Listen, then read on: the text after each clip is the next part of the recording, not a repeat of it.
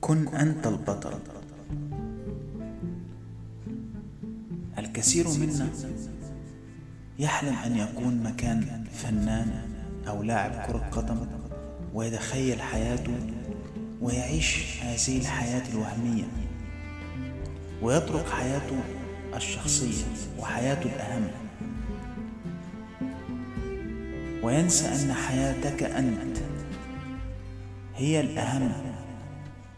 وبطولة حياتك هي البطولة الوحيدة التي يجب أن تركز عليها وتضع فيها كل وقتك وجهدك لأن كل البطولات الأخرى التي تحلم بها سواء بطولة لاعب كرة مشهور أو فنان مشهور فهي بطولات ليس لها قيمة لأنها لا تنتمي إليك أنت.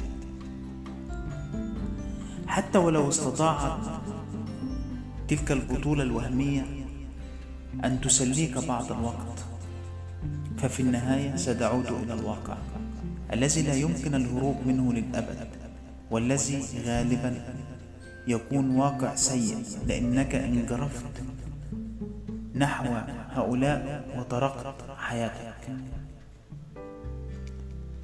مهما كنت ترى حياتك بسيطة ستظل هي الأهم. لأنها ببساطة هي الحياة الوحيدة التي ستسأل عنها أمام الله إن حياتك البسيطة هذه لو استثمرتها في تطويرها باستمرار ستتحول لحياة مثيرة. صحيح إنك في الغالب لن تتاح لك الفرصة لإنقاذ الكوكب من غزو فضائي أو لأن تحرز هدف الفوز في نهائي دوري أو الأبطال أو في كأس العالم. ولكن هناك الملايين من البشر يستمتعون بالعمل على أهدافهم ومشاريعهم. أكثر من استمتاعهم بالانغماس في الألعاب ومشاهدة الأفلام والمسلسلات. اهتم بنفسك وبأهدافك واشتغل على نفسك وكن أنت وليس الآخرين.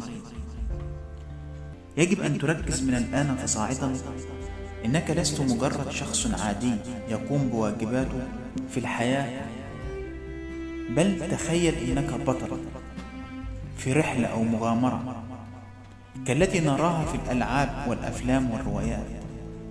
وتخيل أن في هذه الرحلة وحوش وأشرار وتحديات وعقبات وانتصارات وهزائم.